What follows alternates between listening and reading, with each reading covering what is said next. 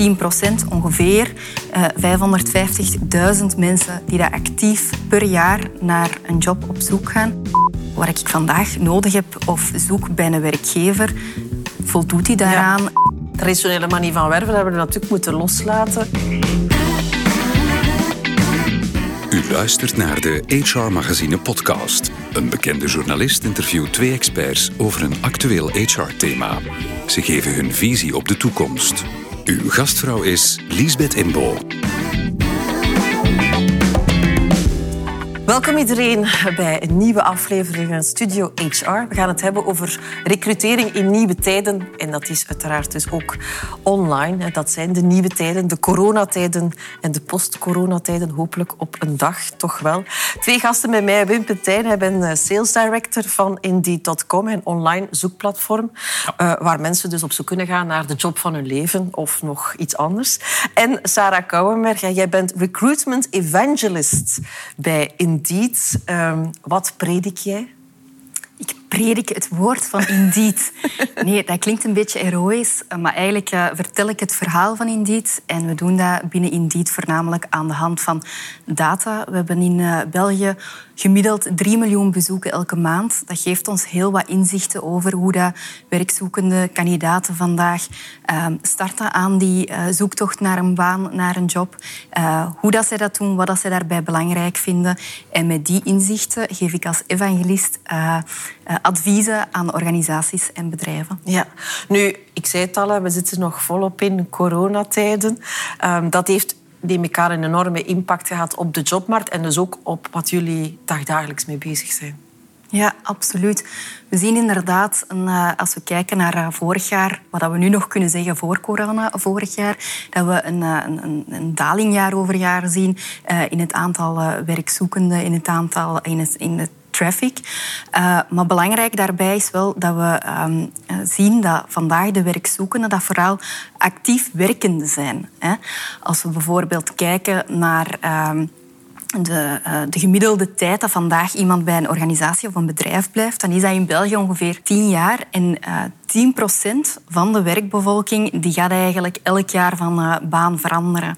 Kort gezegd, de werkende populatie in België eh, afgerond 5,5 miljoen uh, mensen. Als je daarvan ziet, 10 procent ongeveer, uh, 550.000 mensen die daar actief per jaar naar een job op zoek gaan. Je ziet dat bijvoorbeeld ook door de piek in onze traffic op maandagmiddag tijdens de lunch. Dat is uitgelezen het moment wanneer dat, ja, werkende mensen na het weekend toch weer dromen van, ja. uh, van een andere baan en daarnaar op zoek. Maar je zegt, wat opvalt, is dat het nu vooral mensen zijn die eigenlijk al een job hebben. Is dat dan omdat mensen door corona... Ja, we moeten allemaal thuiswerken, of toch de meesten onder ons zijn gaan nadenken van... Is dit inderdaad wel de job die ik wil blijven doen? Heeft dat daarmee te maken? Ja, dat is, soms moeilijk vast te stellen in dat zoekgedrag van kandidaten, want we zitten er natuurlijk niet bij. Maar hetgeen dat we bijvoorbeeld wel merken en ook zien in het zoekgedrag um, naar die vacature, is dat die oriëntatiefase uh, verlengd wordt. Um, vroeger was het zo dat uh, kandidaten uh, ongeveer een zestal maanden voordat dat ze daadwerkelijk solliciteerden, zich gingen oriënteren. Ehm, bedrijfspagina's bezoeken van organisaties om te kijken wat het DNA is van zo'n organisatie. Het voorbereidend werk, zeg maar. Ja, het, het, het oriënteren naar uh, niet alleen het type van werk, maar ook het type van bedrijf. En, en, kan ik mij als persoon ook herkennen in het DNA van die organisatie. Het werkgeversmerk, de employer branding, zoals men ook uh, al eens een keer zegt. Um, ja, daar gaan kandidaten vandaag toch zorgvuldiger mee om. Uh, ik denk dat de keuzes misschien uh, om van werk te veranderen misschien net iets moeilijker genomen worden vanuit het uh, feit dat ze zich zeker willen voelen in hun job. Um, maar dan de keuze dat ze maken wordt wel beter voorbereid in een langere oriëntatiefase om zich ja, echt te kunnen connecteren met die organisatie ja. via de informatie dat ze terugvinden op een bedrijfspagina bijvoorbeeld. Ik weet niet of ik daar nog mag op aanvullen dat we voornamelijk zien dat tijdens de lockdown mensen toch um, ja, op zoek gaan naar die veiligheid, naar die zekerheid en inderdaad daardoor uh, dat proces nog wat uitstellen. Maar wel zich al vandaag de vraag stellen en oriënteren van ja, wat ik vandaag nodig heb of zoek bij een werkgever voldoet hij daaraan en dan daar ook zijn conclusies uit gaat trekken. Maar ik kan me inbeelden inderdaad dat mensen nu heel erg beus zijn van ik moet toch zorgen dat ik in, in, een, in een goede context zit. Mhm. Vast werk, uh, solide sector, dat soort dingen meer. Waar ik mij kan inbeelden dat van de werkgeverskant men meer en meer op zoek gaat naar flexibele werkkrachten. Misschien meer de freelancer, de zelfstandige die ingehuurd kan worden dan het traject van een, een vaste loopbaan. Ja, als we ehm, daar twee zaken mogen onderscheiden. Je hebt enerzijds de, de werkgevers, de eindklanten voor ons. Uh, en uh, daarnaast de, de, de, sector van interimorganisaties en dergelijke voor de flexibele schil voor organisaties. Uh, hetgeen dat we hebben gezien in de eerste lockdown was wel opmerkelijk dat bijvoorbeeld het actief gaan promoten van vacatures uh, in het begin van die eerste lockdown is dat dat uh, gelijk naar beneden is gegaan in die flexibele schil voor de interimorganisaties. Dat uh, de eindklanten daar effectief nog wel een stuk langer zijn in doorgegaan. bijna alsof dat er niks aan de hand was, want dat was wel opmerkelijk dat die vacatures online bleven staan. nu, in de huidige situatie van, van de coronapandemie is het zo dat we merken dat daar de eindklanten of de, de, de werkgevers uh, iets langer aan het aarzelen zijn om hun vaste vacatures effectief online te plaatsen, maar die flexibele schil wel veel sneller uh, terug geactiveerd wordt. Uh, dus dat merken we wel en dat is een positief signaal alleszins voor ons dat die arbeidsmarkt toch wel terug herneemt. Ja. ja. En zie je ook dat mensen op zoek gaan naar thuiswerk bijvoorbeeld, dat dat een, een hashtag is dat wat ze mee ingeven in hun zoekacties? Acties? Ja, absoluut. We zien dan inderdaad aan de kant van de werkzoekende dat termen zoals urgent dat dat bijna met 50% gestegen is tegenover vorig jaar. Maar dat, zoals jij ook zelf zegt, dat uh, de interesse om, om thuis te kunnen werken, ja, we moeten ook gewoon, uh, dat dat is toegenomen tot wel uh, twee tot vier keer zelfs. En niet alleen aan de kandidaatzijde, maar we zien ook in vacatureteksten en dergelijke dat aan de aanbodzijde meer en meer bedrijven dat ook mee opnemen in hun aanbod, in hun vacatureteksten. En blijkbaar kon je ook aan de slag met de hashtag COVID-19 om aan te geven, hè, ik, ik, het is door deze situatie dat ik op zoek ben of naar volk of naar werk. Is dat inderdaad iets dat, dat werkt? Ja, absoluut. Um, we hadden daar eigenlijk twee luiken. Onze missie binnen Indeed is We Help People Get Jobs. We willen mensen aan een baan helpen. En die missie die was eigenlijk nooit zo belangrijk dan dat die vandaag is.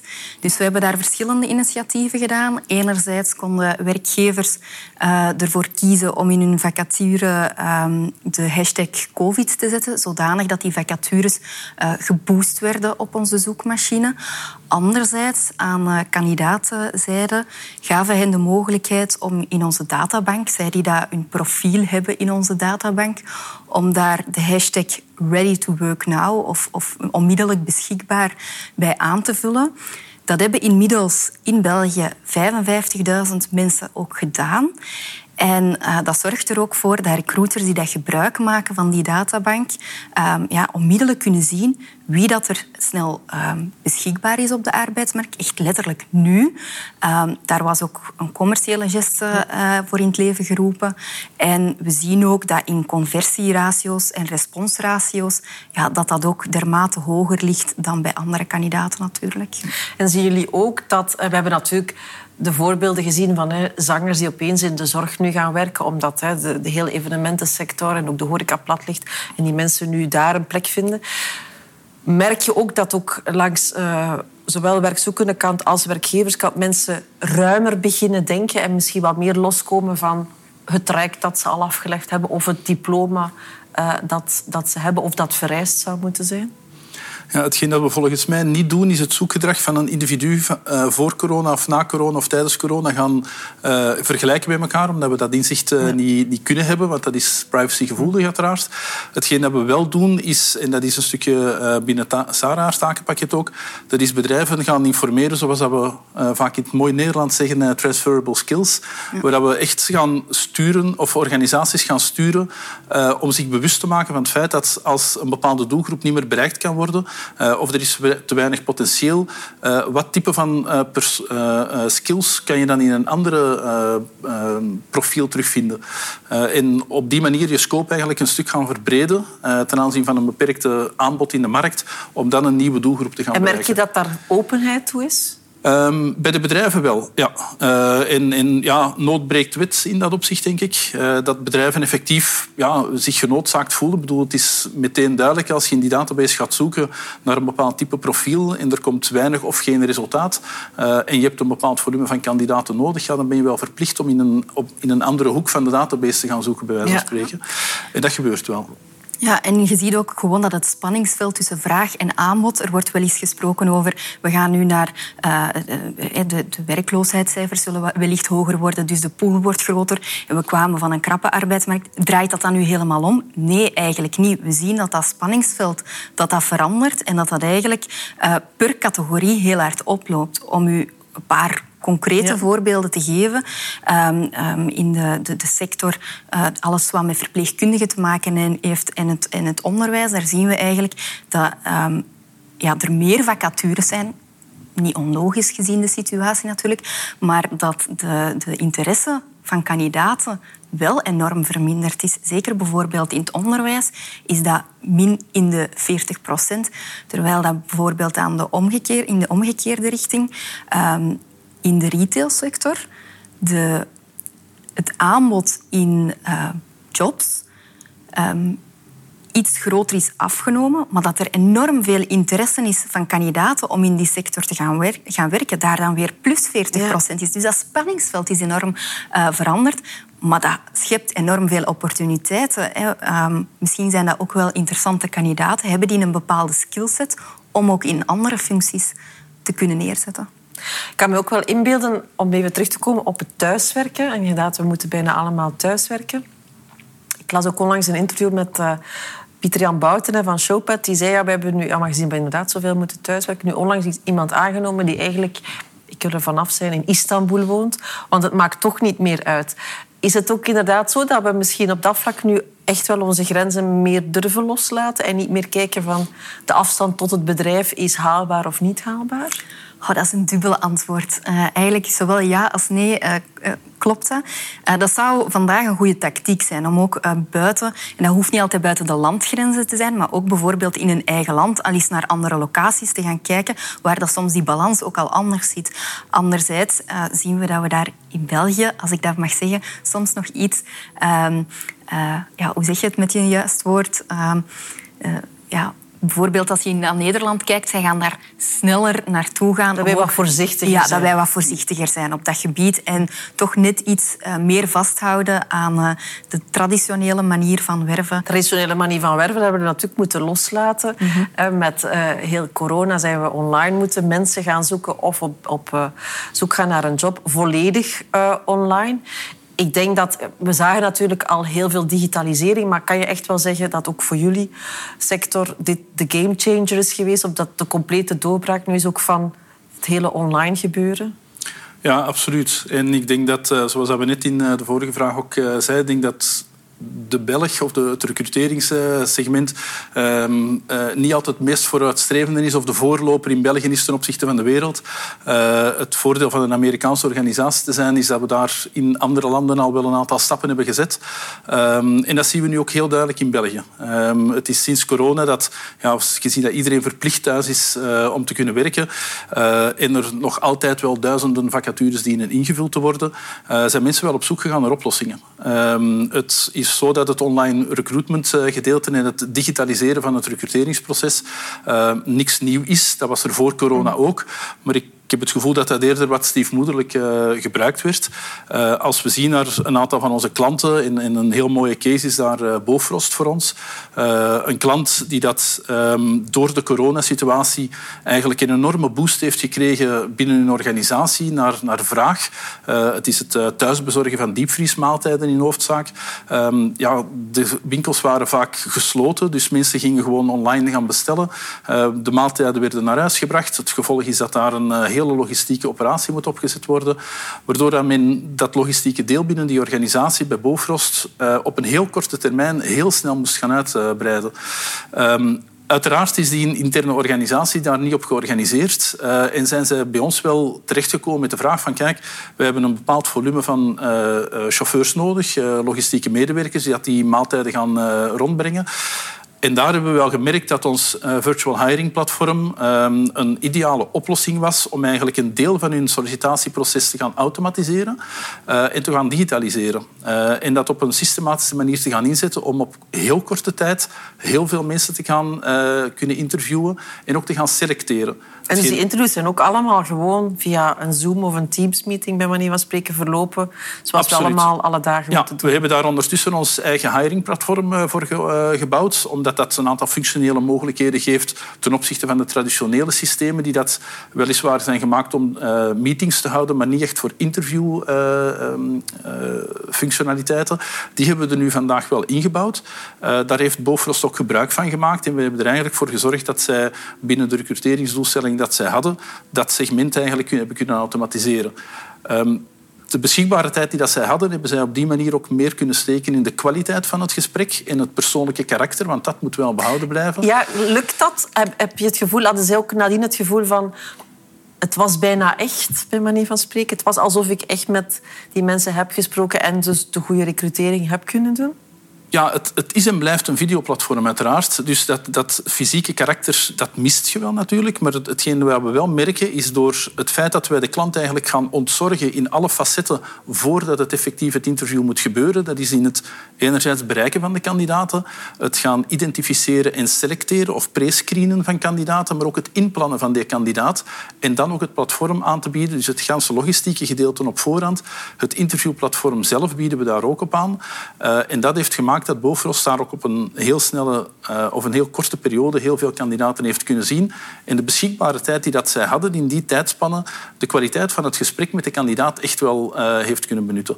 In plaats van daar ook heel snel te moeten kunnen ja. doorgaan. Dus de beschikbare tijd wordt eigenlijk genomen om de kwaliteit van het gesprek uh, hoog te houden. En hebben jullie het gevoel dat dat, of toch een deel daarvan, toch wel zal blijven? Dat men inderdaad misschien dat finale gesprek toch nog graag fysiek zal doen, maar al de rest meer online zal laten gebeuren? Ja.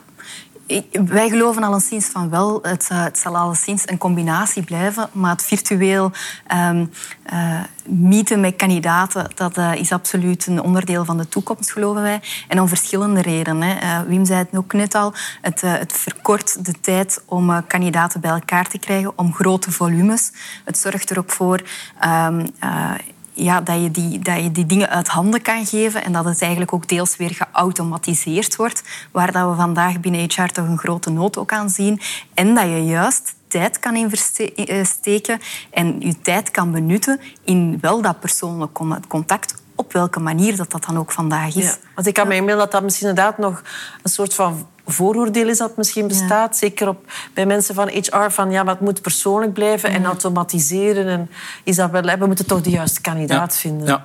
Ja. Ja. ook daar, zoals net gezegd, noodbreed wet. En bedrijven zijn echt ge, verplicht geweest om dat segment van, van het uh, recruteringsproces um, uh, digitaal te gaan doen.